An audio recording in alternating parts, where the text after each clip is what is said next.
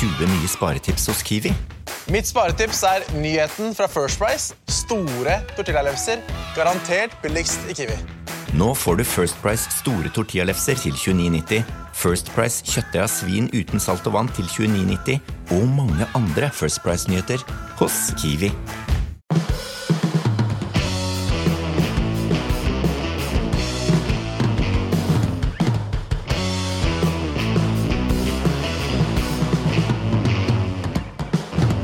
Velkommen til Stormkast med Valbrok og Stordalen. Dette er en ny podkast for deg som er interessert i økonomi og næringsliv. Og Petter, eh, du og jeg har tenkt å møtes her en gang i uka, vi. Ja, det blir jo krevende, eh, men det er jo viktig å presisere at jeg er jo bare et sidekick til deg. Ja, du sier det, og jeg prøver å få deg med som totalt medansvarlig. Vi får se hvordan dette går. Eh, Men det vi uansett skal gjøre, er at vi skal ikke lene på bare deg og meg, men vi skal ha fantastiske gjester hver uke. Det skal vi, og i dag har- vi begynte jo på toppen av lista. Vi eh, sikter høyt eh, og syns vi har lykkes godt med det. Kliner til fra start med eh, Berit Svendsen i Telenor og Kjersti Haugland i DNB. Omtrent som Very Choice, det er eh, sånn 50-50 kvinner og menn. Ja.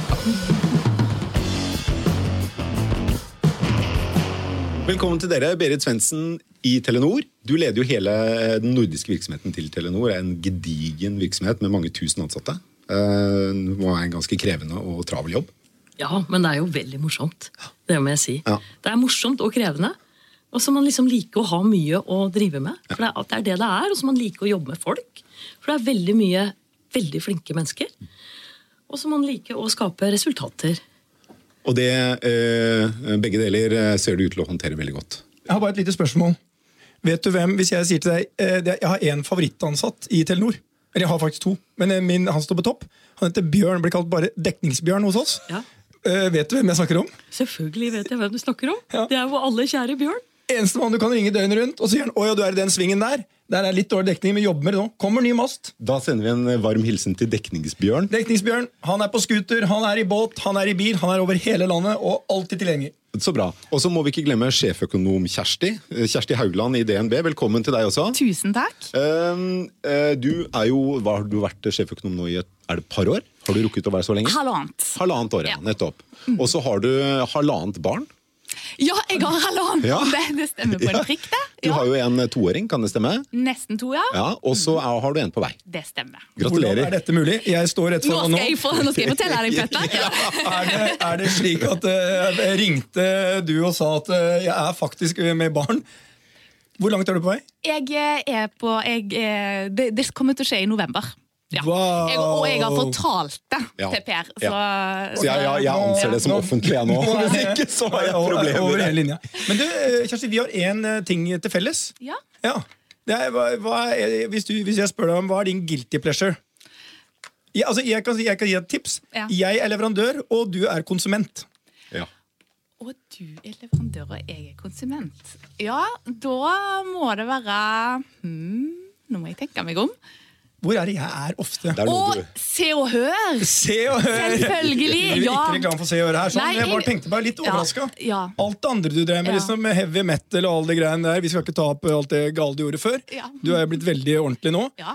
Um, men eh, Se og Hør, det er, eh, det er nok overraskende. er vi der, og, Kan vi regne deg som en innholdsprodusent til Se og Hør? Er du så langt uh, Går det så Nei, jeg får fast retainer faktisk for å levere. ja, ja. Og, og bør jeg ikke engang spørre for å bruke Instagrammen, men. Gunhild er, hun er nok større leverandør enn meg. da. Ja, jeg, vet, jeg vet alt om dere begge, så Ja, ja, det, det er ikke noe behov for ikke om meg, da. Jeg har aldri vært til Se og Hør, tror jeg. Men Petter, han er jo nå kan det være. Nå kan det være.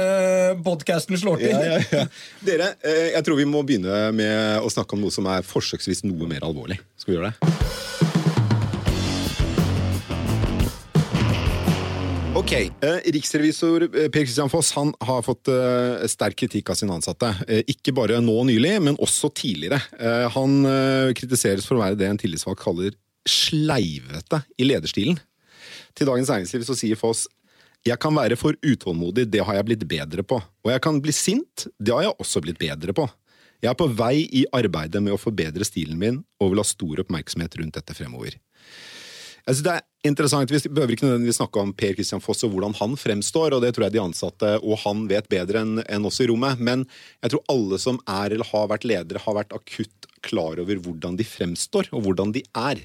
Eh, Berit, du som leder ikke bare norske ansatte, men du leder også ansatte i Danmark, Sverige.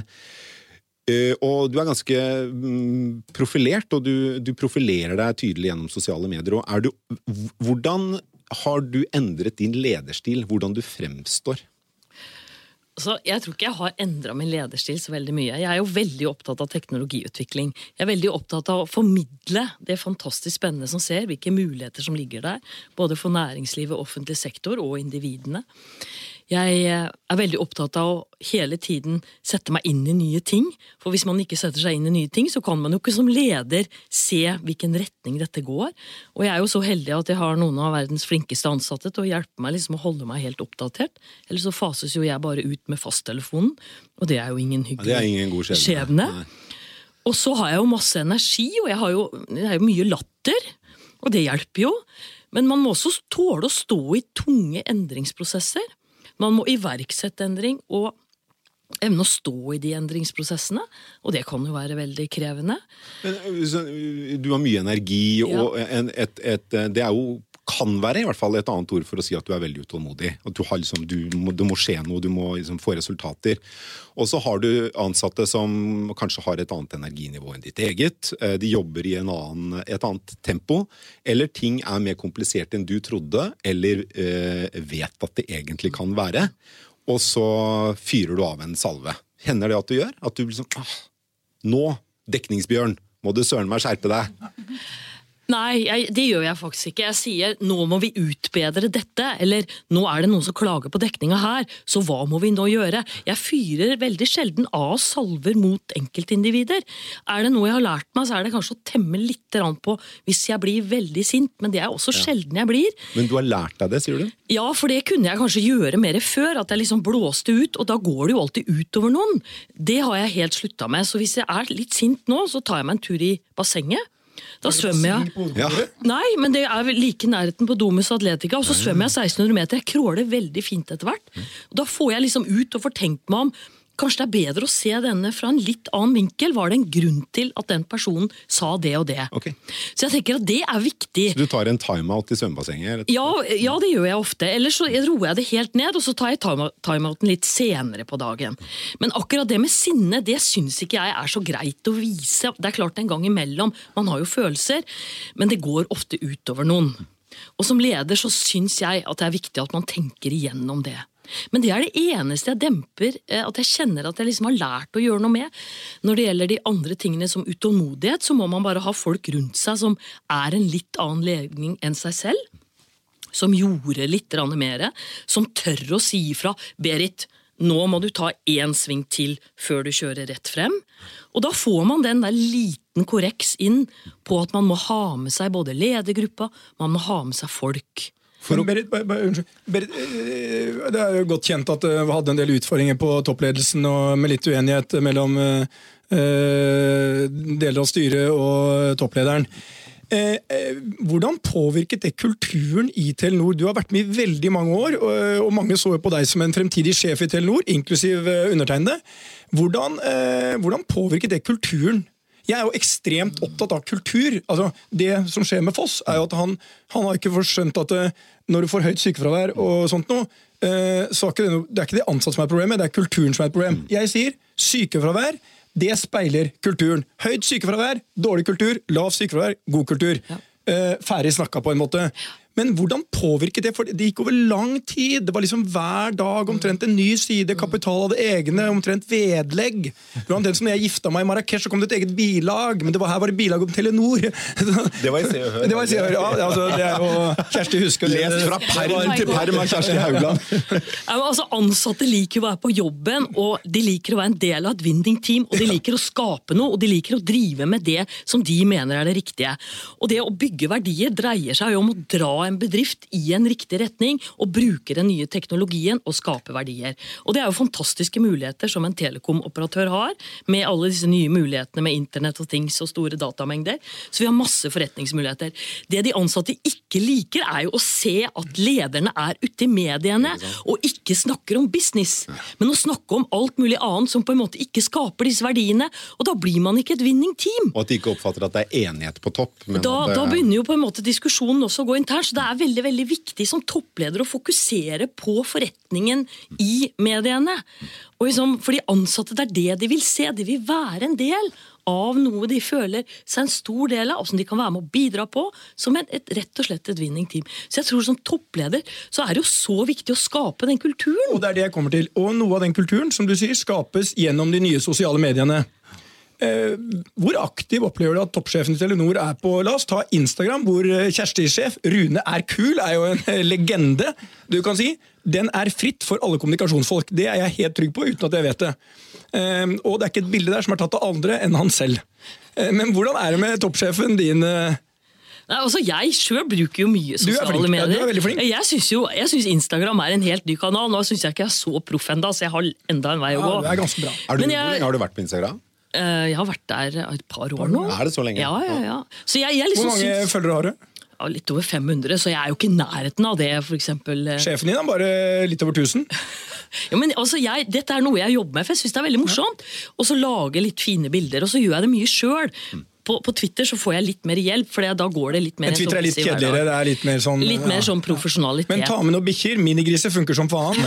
Eh, Jeg vet hva som selger. Du hadde jo, Petter, På morgenkvisten i dag, så eh, du viser deg jo som en usedvanlig modig mann. Du sier at du skal trosse din kones eh, bønn om at du klipper håret. Du skal la håret gro. Det er modig. Og og det har jo engasjert helt vanvittig. Det sier jo alt om hvor jævlig konservativ du er. At det, hvis det er modig, da, da, da trenger du å utfordres litt. eh, Ja, men men- så, liten historie om Rune Bjerke. fordi Han tok et bilde av seg mens han satt i frisørstolen Ja, ja, ja. og klipte seg. Og så Det var på revisjonskomitémøte i banken, hvor jeg er en del av. Og Han kom tilbake og så sa jeg Nei, du verden hvor fin du ble, Rune. Jeg så deg på Instagram. Så sa han du sitter ikke og ser på Instagram på, Ja. i dette møtet. Så sa jeg men du går til frisøren. Så sånn sett så har vi vel noe av det samme. Vi snakker om sjefen din, Kjersti. Hvordan, eh, hvordan er det eh, i, i eh, dere sjefer imellom, fra Rune og deg som er leder liksom, økonomen og analyseteamet? Ja. Eh, Er det, er det mm, full samling av alle enige, og er det topp stemning hele tida? Altså, Jeg har i hvert fall ikke opplevd at det er dårlig stemning mellom oss. Vi har jo vårt analyseteam, og det er vi helt avhengig av. Vi skal liksom eie DNB sitt syn på renter, valuta, hvordan det kommer til å gå med norsk økonomi, internasjonal økonomi. Hvis vi skal ha noe som helst troverdighet, så er det viktig at vi er uavhengige. Så det er ikke sånn at vi er en liksom satellitt som da konsernledelsen styrer, og som da vi bare utfører på en måte noe eh, De slags befalingene som kommer derifra. Vi har jo en helt uavhengig rolle. Men vi, opp, vi opererer Vi har jo klart sterk kommunikasjon oppover med eh, konsernledelsen, fordi at de er interessert i å høre hva slags syn vi har på ting. Altså, før kvartalspresentasjoner, før viktige begivenheter, så er det jo viktig å ta noe fot i bakken opp, og eh, hvordan står det egentlig til. Hva er risikoscenarioene? De er jo mange eh, og, store. Som, du er, som sjeføkonom har du personalansvar for, for en avdeling. Ja, det har jeg for seksjonen min, som driver på med nettopp disse analysene. Har du tenkt mye på dette med lederstil og hvordan du fremstår øh, overfor dem? Ja, det har jeg. Altså, jeg jo, jeg var, var jo tidligere leder i Norges Bank en periode. eh, Og det var min første lederjobb. Og da husker jeg at jeg gikk inn der med, med en klar formening om at nå måtte jeg prøve å være en litt avdempa versjon av meg sjøl. Jeg er jo òg, kan du si, har godt humør og, og, og mye latter. Og jeg tenkte nå er det kanskje på tide å være litt sånn nedtona versjon av seg sjøl. Og litt mer sånn alvorlig type. Så jeg gikk inn døra, og så bare skjønte jeg at det var bare Det kunne jeg bare glemme. Jeg måtte bare være meg sjøl. Det var helt umulig å legge bånd på seg sjøl. Jeg tror nok at det, når jeg ser tilbake på de lederne jeg har hatt før, så, som jeg har oppfatta som veldig gode, så er de veldig forskjellige. Noen eh, er eh, sånne eh, med mye autoritet, og kanskje litt streng, men likevel eh, da en veldig god så lenge de lytter. og ikke minst at de bygger tillit til medarbeiderne. Eh, så, så funker det kjempebra. Og så kan du ha på den andre delen av skalaen den veldig joviale sjefen som er, har veldig litt autoritet i seg, sånn, men som likevel har eh, en autoritet som ikke er bygd på nettopp sånn eh, strenghet og eh, ja, den, den type autoritet som er sånn eh, automatisk kanskje ser Hva for slags er du, da? Nei, Jeg er definitivt mer av den eh, joviale typen. eh, Men jeg er absolutt ikke ubevisst på hvordan jeg framstår. Det er absolutt ting jeg altså, som jeg legger bånd på meg som leder, som jeg ikke gjør, som jeg ville gjort tidligere i, bare som en rolle i medarbeider. Jeg passer meg for eh, Altså, en kan ikke spøke med hva som helst. Eh, fordi at eh, det du sier, det blir oppfatta i konteksten av at du er leder. Lytehumor om de ansatte er f.eks. en spesielt god idé. Nei, vi er ikke veldig masse med lytehumor før heller, men, men, ja, en sånn type ting. En, eh, eh, altså, en må tenke seg en ekstra gang om, fordi at eh, selv om du selv oppfatter deg som en av gjengen, så eh, oppfatter ikke de nødvendigvis deg alltid, iallfall ikke i enhver sammenheng, som en del av gjengen. Det, jeg tror det viktigste med å for å skape de best mulige resultatene, da, for å få det beste ut av hver medarbeider, det er å skape høy takhøyde, eh, sånn at alle eh, typer personer, om det er de som nettopp går litt saktere fram i argumentasjonen, som tenker før de snakker, kommer òg fram. Eh, og at en får alle typer eh, meninger opp i lyset, da, sånn at vi får et best mulig beslutningsgrunnlag. Og for at det skal skje, så må alle stole på hverandre. Og hvis du opplever det, at det ikke er sånn psykologisk trygghet i gruppa, eh, så, så, tror jeg resultatet blir dårlig. da. Og sånn som sinneutbrudd, det er jo altså ikke bare som leder, men generelt. Det er jo ikke grunnlag for en uh, god kommunikasjon, tror jeg, i noen som har sammenheng, selv om det selvfølgelig skjer. Så tror jeg det er viktig å legge bånd på seg, og heller uh, bestrebe seg virkelig for å Men Kjersti, du er et menneske også. Jeg synes eh, Den legendariske fotballtreneren Eggen han sa det, det er lov til å være sint i Rosenborg ett sekund. Ja. Eh, og du må ha lov til å blåse litt ut noen ganger. Ja. Altså, og med din bakgrunn på heavy metal og piercing og sånt noe. Ja. Var Rune med i et, altså, Dette er Rune Bjerke, toppsjefen i DNB. For øvrig, etter mitt syn, Norges beste bankmann. Eh, nå veldig, sagt, og Jeg har opplevd veldig mange bankmenn i DNB. Men jeg følte på en måte at kulturen endra seg. Men mitt spørsmål er var han med i noen av de avsluttende samtalene før du fikk jobben? Visste han at du hadde bakgrunn fra Sosialistisk Ungdom? Det, det, for å si det sånn, Jeg har jobba i DNB tidligere som en del av teamet. Så du var klarert? Den gangen jeg ble ansatt, da, så er jeg helt sikker på at Rune Bjerke verken visste at jeg ble ansatt, eller visste om min uh, mørke bakgrunn. Økonom, tror du han uh, var han orientert om at du eh... Nei, Det tror jeg faktisk ikke han var orientert om, så jeg håper han ikke hører på denne podkasten. Blir du sinna på jobben? Hender det at du, at du gjør det? Jeg synes min altså Han som egentlig driver hotellvirksomhet, det heter jo Torgeir Silseth. Det er mange som tror at jeg driver det, så vi skal, vi skal la den myten leve videre. Men, og han ble spurt, jeg tror det var NRK en gang, Eh, hvordan var det å jobbe med sånn som meg? Eh, og Da sa han Petter har ikke hevet stemmen overfor meg en gang på 20 år. Jeg er jo konfliktsky. Altså, Jeg tok en sånn test, eh, som riktignok ble blåst av Skavlan. Eh, jeg er konfliktsky, jeg har altfor mye empati. jeg er jo egentlig ikke noe leder i det hele tatt. Um, så jeg blåser veldig sjelden. Jeg tror ikke jeg har hatt noen utblåsninger. Men jeg har mye Jeg, har, jeg beter ganske, ganske, ganske, mye trøkk. Altså jeg, jeg, jeg, gjør Og derfor elsker jeg Instagram og sånt noe. Og, og, jeg elsker mye tull og fjas. Jeg ville aldri passa en bank. Altså, um, du skal ikke si det! Jo, det nei, du skal ikke si det. Det er nye tider i bankvesenet nå. Det... er ikke Så nye tider er det tross alt ikke. Jo, Kunne man vært sjeføkonom i DNB og hatt eh, Petters eh, åpning i skjorta? Definitivt ikke. Nei, jeg vil mene ikke, jeg òg. Ja, du skal ikke si det, altså. Du, det, verden er i endring. Sjefsøkonom i hvilken som helst bank. Ja, men Jeg må kneppe opp, kneppe opp litt mer, da. Nei, ja, ja, men, uh, nei, men jeg, jeg, jeg, tror jo at uh, Og det viser hvor viktig lederne er, eller oss som ledere er. Jeg merker kulturendringen. Liksom. Jeg merket når Rune Bjerke hadde vært i banken en stund. Da merka jeg det på hele organisasjonen. Det ble en annen stemning i banken.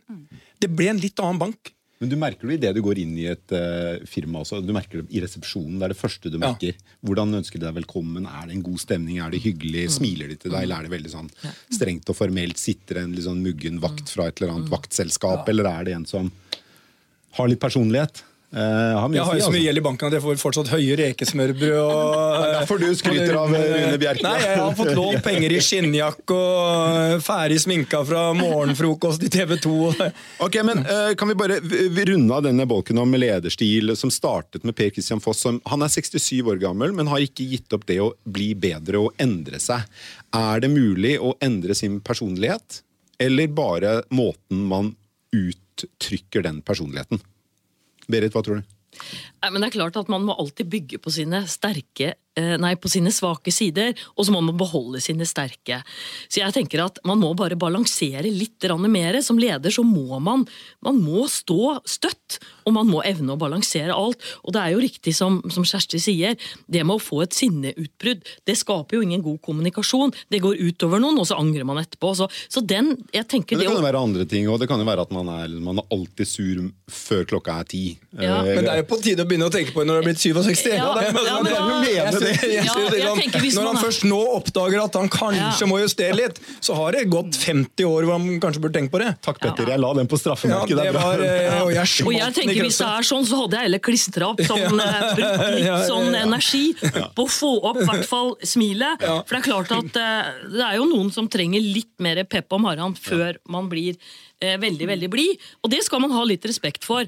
Men man må på en måte prøve å se litt sånn Og så handler det jo litt om En- roller òg. For den, den fremtoningen til Per Kristian Foss var jo noe av det som gjorde ham til en så populær finansminister og politiker også, hos veldig mange. Så går han over i en lederrolle med personalansvar, og han skal lede en organisasjon med et større formål enn å fremme han og Høyres interesser Ja. på TV. Og da er det en helt annen rolle. Altså, fordi Det jeg syns er så bra at Per Kristian Foss sier nettopp dette, da, som et svar på at han, han eh, vil endre seg. Eh, noe av det mest provoserende jeg hører, fordi jeg er opptatt av at de som er ledere, skal være ledere og skal ønske å være ledere og ta den rollen alvorlig. Og når jeg da har vært ut, i, i liksom min yrkeskarriere hørt ledere som ikke har fungert bra, som har sagt at ja, men sånn er jeg. Eh, det er meg, og ta meg for den jeg er. Eh, det synes jeg er, det er liksom for dårlig. Vi må kunne kreve mer. Folk må eh, nettopp kunne jobbe med sine svake sider. og og være oppmerksom på hvordan det påvirker andre. Da. For hvis du ødelegger en kultur eh, og gjør andre dårlige, da burde du heller ikke være leder. Og så har man jo ansvar for andre mennesker. Og det er jo kanskje det man skal ta mest alvorlig av alt. Du, du er sånn Men en interessant ting, siden vi står her med en uh, akkurat uh, nygravid eh, Kjersti. Så kommer Jeg vet ikke om det er kjæresten eller mannen din, det her burde jeg jo visst, men Per ga meg ikke den brifen på morgenen at du var med med Samboer, ja. Samboer. samboer, ja. Er han også far til det første Det er han. Ja, det er hyggelig. Det er veldig Det er hyggelig. Ikke så moderne, men hyggelig. Ja. Eh, mitt spørsmål går på Kommer han Hva heter samboeren? Han heter Nils Kristian. Nils Kristian, Kommer Nils Kristian til å ta ut full pappaperm? Å ja, og vel så det. Og Ja, ja, ja. så det, ja. Vi er moderne, vi deler 50-50. Det, det.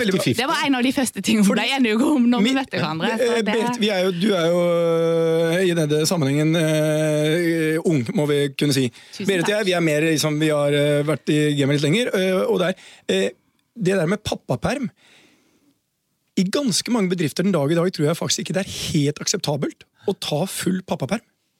Og veldig mye i finansbransjen. Er det helt uh, comme il feu, eller heter det det? Comme il faut. Comme il faut? Ja. Jeg fikk jo null i fransk. Ja, jeg fikk én. Du gjorde det? Ja. Ja. Men er det i Telenor er det fullt ut Hvis du skal være helt ærlig, er det fullt ut akseptabelt å ta full pappaperm? Ja, hos oss er det jo det. For I store bedrifter så er jo det ikke noe problem. Og så må man på en måte ha et system for det, at noen tar over midlertidig jobben din. Og vi har også gjort det sånn at eh, i utlandet så tilbyr vi eh, ekstra svangerskapspermisjon for alle. Og det er også veldig veldig uvanlig i de asiatiske landene. Så jeg mener vi legger nå til rette både for å få opp mange kvinnelige ledere, og også at menn kan ta sin del av det de ønsker å ta del av ansvaret hjemme, noe jeg håper menn gjør. da. Eh, Så det er helt naturlig. Men jeg tenker at det kan være litt utfordrende for mindre bedrifter. Ja. For det er ikke så lett for mindre oppstartsbedrifter når alle går ut i, eller når mange går ut i full pappapermisjon. Så for store bedrifter så er det en selvfølge, og finansbransjen bør absolutt eh, komme etter og gjøre akkurat da det samme som veldig mange bedrifter i Norge nå gjør. Dette er fullt ut akseptabelt. Jeg, skal jo, jeg er jo med i en oppstartsbedrift, og fra begynnelsen av august så skal jeg ut i pappaperm eh, en stund, så det er jo mulig å kombinere. Og der er det få ansatte! Og her er det ikke Der- mange, nei. der, der, der går 25% ut i pappaperm! Ja. og det er klart det. Men, men det blir pappaperm med PC. Ja, det blir, pappa, det blir er- pappaperm er med PC, Ja, det er og, et vi, konsept. og vi kommer til å møtes her en gang i uka også under Ja, pappapermen. men dette er jo nesten ferie å være her. Og i dag med altså gjester som leverer sånn som dette, ikke noe problem. Vi må over til neste. Vi må det.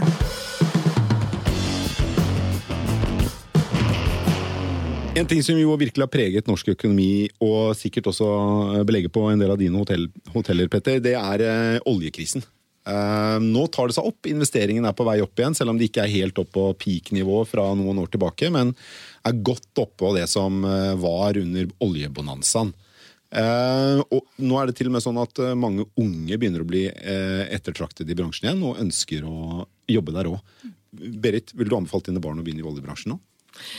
Eh, Du kan si at Jeg angra jo på 1980-tallet, når jeg gikk på, på NTNU, at jeg ikke tok oljelinja. For det gikk jo alle de flinke studentene gikk jo der. Men i ettertid så Åpenbart ikke alle, da. I, I ettertid så er jeg jo så fornøyd med at jeg valgte elektro- og datateknikk.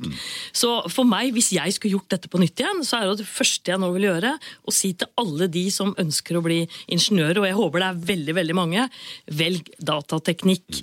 Lær dere Internet of Things, lær dere store dataanalyser av store datamengder. Det ligger et så stort forretningspotensial for norske bedrifter, offentlig sektor, og vi har mulighet til å bli et digitalt fyrtårn i Norge på dette området ved å digitalisere hele Norge. Det er en fantastisk mulighet. Men, ja, for du utdanna jo det inn i den største megatrenden på gud vet hvor lenge, altså den digitale revolusjonen, som sikkert ikke Den har ikke tenkt å forsvinne med det aller første heller. Men oljebransjen er vel heller ikke eh, altså, Den har noen år foran seg, Kjersti? Har han ikke det? Det har han. Vi skal ha oljeproduksjon eh, med oss lenge ennå, antageligvis. Fordi eh, verden trenger energi. Store mengder energi framover. Og fornybar energi, det har vi ikke nok av. eh, Og kommer ikke til å ha nok av det på eh, en god stund. Så vi kommer til å fortsette å være en olje- og gassnasjon i lang tid framover. Og det som er bra da med eh, denne virksomheten, blant annet da, er bra med denne virksomheten, som rent bortsett fra at han da har gitt veldig verdifulle bidrag til vår økonomiske vekst og statskassen og velferdstjenester og alt dette her, det er òg at han har bidratt til en veldig teknologisk utvikling. Til at vi er best på våre områder, eh, altså på noen nisjeprodukter, høyteknologiske nisjeprodukter, eh, i verden. Så det å utdanne seg til noe innen olje, det, eh, det kan være framtidsretta fordi at det kan også brukes til andre ting typer virksomhet, altså fornybar virksomhet, lenger ut i tid. Da.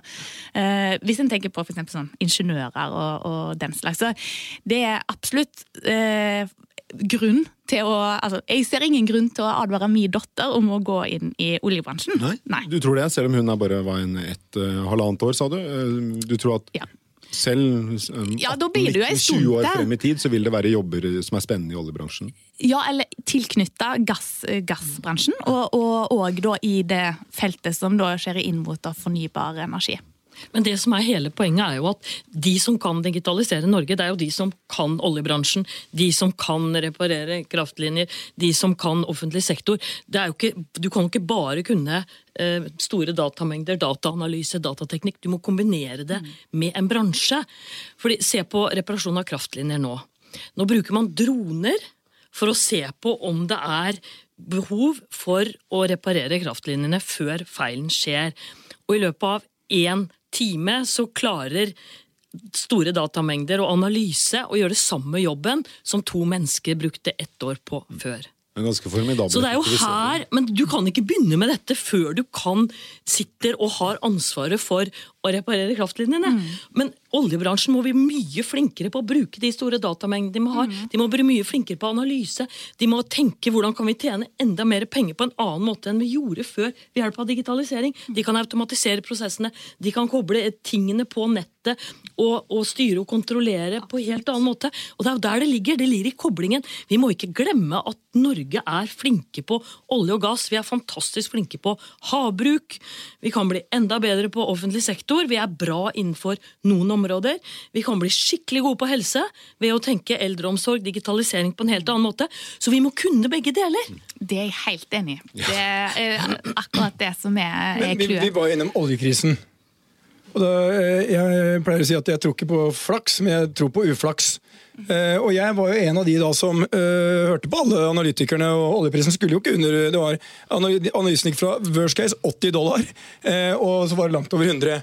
Akkurat da tok jeg den eh, klokkeklare beslutningen. Vi flesker til med tre nye hotell i Stavanger. Og det siste jeg gjorde, og det sikreste, det var der Statoils nye hovedkontor var vedtatt. Der smalt jeg opp et hotell. For jeg tenkte bare Statoil alene fyller hotellet, blir en pengemaskin. Jublet, signerte. Og så gikk det et svalestup eh, ned i 27, var vel det bånda ut. Da hadde jeg så god plass der eh, at eh, det var liksom sånn eh, Det gjalla i korridorene. Eh, så Hvordan går det nå, da? Altså, nå, eh, for det første, så, det, vi er, det er jo litt unna toppen. Vi hadde vel investeringer på 225 milliarder på topp, og nå er det på sånn 160 eller noe. nå. Men det koker litt der borte ikke i hotellene dine, da, men i oljebransjen. Nei, ikke ja, men i hotellene mine Så ja, du går- ikke? Nei, jeg har mange hoteller i Stavanger. Altså, jeg har så god plass! Altså, dette, Jeg håper ikke Gunhild hører på denne podkasten, men jeg altså, jeg tar med aftenbønnen, i den grad en agnostiker kan be, eh, om at eh, nå, nå er jeg klar. Endelig nå har jeg venta og tapt masse penger, men nå er jeg klar for det store. Eh, Johan Sverdrup og Du trenger det, du. nå, jeg trenger alle de der gjestene jeg kan få. Så til alle dere ute som lurer på, bare ring Nordic Choice Hotels. Gå rett inn. Billigste rommet får du på eh, ja, ja. nettsiden. Ikke gå via tredjepartskanaler. Nei, det var reklamen til Petter. Dagens tekstreklame. ja, Nordic Choice er for øvrig sponsor av denne podkasten. Not. ok.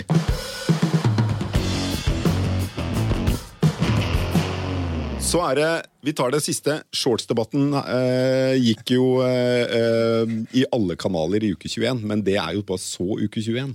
Nå er det bar overkropp eller ikke i bybildet. Er det greit, spør Aftenposten. Og eh, jeg vet ikke, er det greit? Når dere ser en mann i bar overkropp komme gående nedover gata, hva tenker vi da? Avhengig av mannen, tenker jeg. Er, vi det? er vi der? Jeg vet ikke. Altså, jeg, jeg studerte ett år i Barcelona. Eh, og der, eh, på min vei til skolen, eh, så var det ikke uvanlig at jeg møtte på en helt naken mann.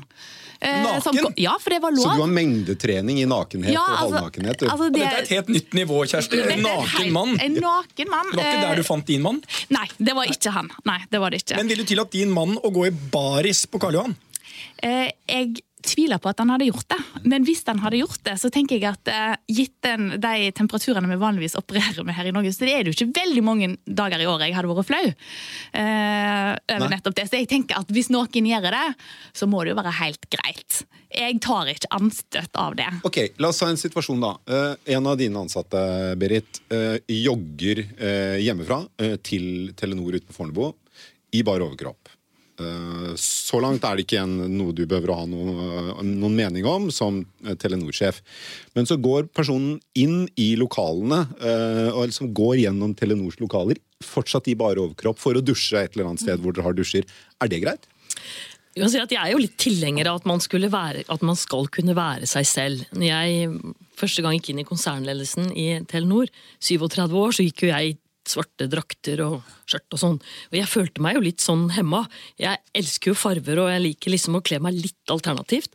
Men jeg er jo av den oppfatning at det bør være pent. Og man må jo tenke gjennom at det skal se pent ut.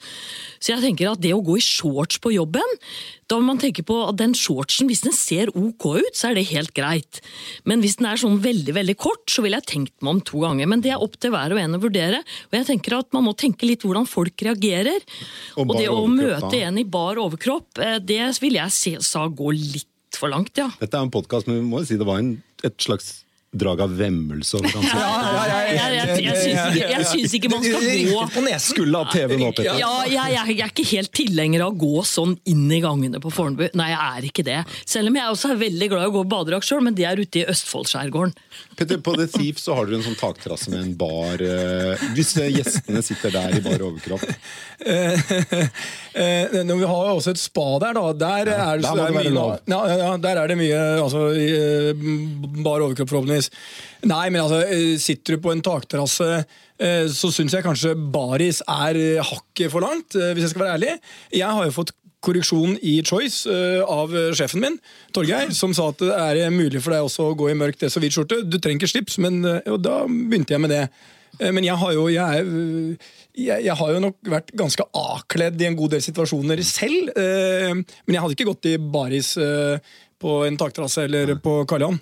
Så jeg, jeg, jeg jeg, vokste opp så Når vi var på, i, i Syden, så sa alltid faren min til meg når vi skulle sitte og spise at eh, Da måtte jeg liksom ta på meg en T-skjorte. Selv om da var jeg litt barn. Men jeg måtte liksom ta på meg T-skjorte fordi vi skulle spise. faren din, øh, du hører på faren din. Ja. Det er jeg, sånn jeg, jeg, jeg, mener jo det. Jeg liker ikke å se folks uh, halvnakne kropper jeg, i, ulike situasjoner. Jeg liker halvnakne kropper, og jeg liker nakne kropper, i motsetning til deg, men, uh, men helst ikke på kontoret. Du får, Men altså klart hadde Rune Bjerke kommet i en tanktop eh, og shorts eh, og tatt en selfie det, det er bare Runar Kull som kan legge ut noe sånt nå, hadde jeg tenkt da. Eh, altså, så, men når det er sagt, jeg har vært kåret til Norges best kledde, og da gikk jeg inn i et badekar med en smoking, og valgte da og da var han Jane Thomas som sa Petter, kan du ikke bare gå ned i badekaret? Så gjorde jeg det, gikk, gikk opp igjen. De bildene ble jo helt legendariske. Jeg skulle gjerne vært uten den lille duppen. Ja, det eh, Men jeg testet dette spørsmålet på Emilie, min datter på 26. For jeg tenkte her kan jeg være litt sånn fordomsfull. Og hun sa fatter'n. Du går bare ikke i baris noen noen steder. Altså, du, du er i baris på stranda, du går ikke i baris på et kontor, du sitter ikke på en uh, uterestaurant. Det får være grenser. Ja, men da er det bred enighet i Jeg det gruppa. enighet. Bar eh, overkropp det er ikke greit andre steder enn der det er liksom naturlig. Det er- tror jeg vi er helt enige med. åpner, jeg åpner. Ja, du var altså. mest åpen, Ja, jeg må si at jeg åpner for eh, liksom men, Karl Johan. Ja. Ja, ja, det er Med klart. din bakgrunn så var det ikke overraskende. Men har du fortsatt piercingen? Nei, men du kan se merket den. Ja. Hvor er du hatt den? Hadde du Ja, øy- Ja, altså oppi øyenbrynet, ja. Ja. Men ja. eh, hadde, hvor lenge var det Det var noen år. Jeg husker ikke tre-fire år, kanskje. Ja. Tattiser, var det det? Nei, det har jeg ikke. da. Ingen? Ja, så Mamma var ikke begeistra for piercingen, men eh, desto gladere da for at eh, det var den som på en måte tok av for dette, dette Det behovet. For Ja, ikke sant? Det eh, kunne jo blitt en tatovering. Hvis det hadde kommet en som søkte jobb hos deg, og så hadde den sleeves liksom nedover her sånn, hadde du da hatt noe fordommer? Altså, tattis, liksom. Jeg hadde tenkt at uh, dette var bra for mangfoldet. Ja, og så Ja. en svær tattis her med no regrets eller noe annet. Ja, men Det hadde jo ikke Kjersti sett med mindre han gikk i bar overkropp. og det hadde jo... Nei, det er litt Og det, av det- er litt det hadde vært uakseptabelt. Altså, på meg så hadde du jo sett hele pakka. Ja, ja, ja. I dag er jeg veldig tilkneppet. Ja, Ja. nettopp. Ja. Ok, dere, eh, tusen takk. Petter, vi må runde av. Tror du ikke det? Vi må, før dette går helt galt av sted og vi knepper opp Men alle jeg kan skjorter. eh, runde av baris-delen. da. Eh, Dette er ikke bare et norsk fenomen, det er også et svensk på Liseberg som var en kjent artist som i går ble vist ut etter hun hadde vært og opptrådt. Så kom vaktene og sa du kan faktisk ikke gå sånn her. Dette er det eneste jeg har med. Hun gikk da i eh, bare en bh og en ok skjørt, liksom. Og ble vist ut av Liseberg. Så dette skjer over hele verden, bortsett fra i Barcelona, hvor uh, en av våre deltakere kan si at hun traff mange nakne menn hver morgen, og det var eneste grunn til at hun ikke tok bussen. ja. Takk skal dere ha, Kjersti Haugland og Berit Svendsen, for at dere kom her og, og bidro på en fantastisk måte til eh, vår debut som, eh, som pod-programleder, Petter. Hvordan syns du det gikk? Jeg syns det gikk bra. Hva syns du? Jeg jeg er svett nå, så jeg må bytte Ja. ut T-skjorte etter det. her. Jeg synes det var helt utrolig, men det var morsomt. Gjestene dro mye av lasset, vil jeg si. Ja, de gjorde det. Tusen takk skal dere ha. Vi må også takke noen eh, nå som har bidratt veldig bra. Det er Erik Øyen. Han er mannen bak denne jinglen. En mange ganger Spellemannsprisvinner. En fantastisk musiker. Tusen takk til ham. Takk til Ari Kleivan fra Metric Designs for designet. For øvrig mannen som har laget forsiden på pengesedlene våre. Ja, så det er en De nye utrolig- 200-kronerssedlene. Ja, og det kommer flere nå, 50-lappen, og- så han er en fantastisk designer. Eh, Åsmund Prytz i Kruse Larsen, som har hjulpet oss med en hel masse ting. Ida Holen i Choice, eh, Marius Parman i Storm Communications, og ikke minst produsent Truls Johansen, som har sittet her stått eh, i all stillhet ved siden av oss og styrt knappene. Håper det blir ålreit lyd av det også. Takk skal dere ha, og så høres vi igjen neste uke.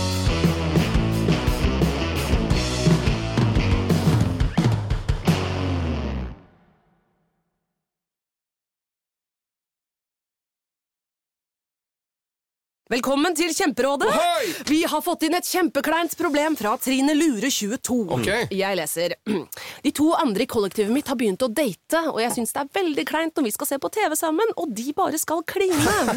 Ok, ja, Hvordan skal hun løse dette? Siden Trine Lure er under 30, får hun jo ubegrenset data fra Telenor fra 399 kroner. Da Da kan hun sette seg på sitt eget rom, streame så mye hun vil på mobilen. Ja, hun kan jo se på nye mobilabonnement på telenor.no. Ja, det er lurt.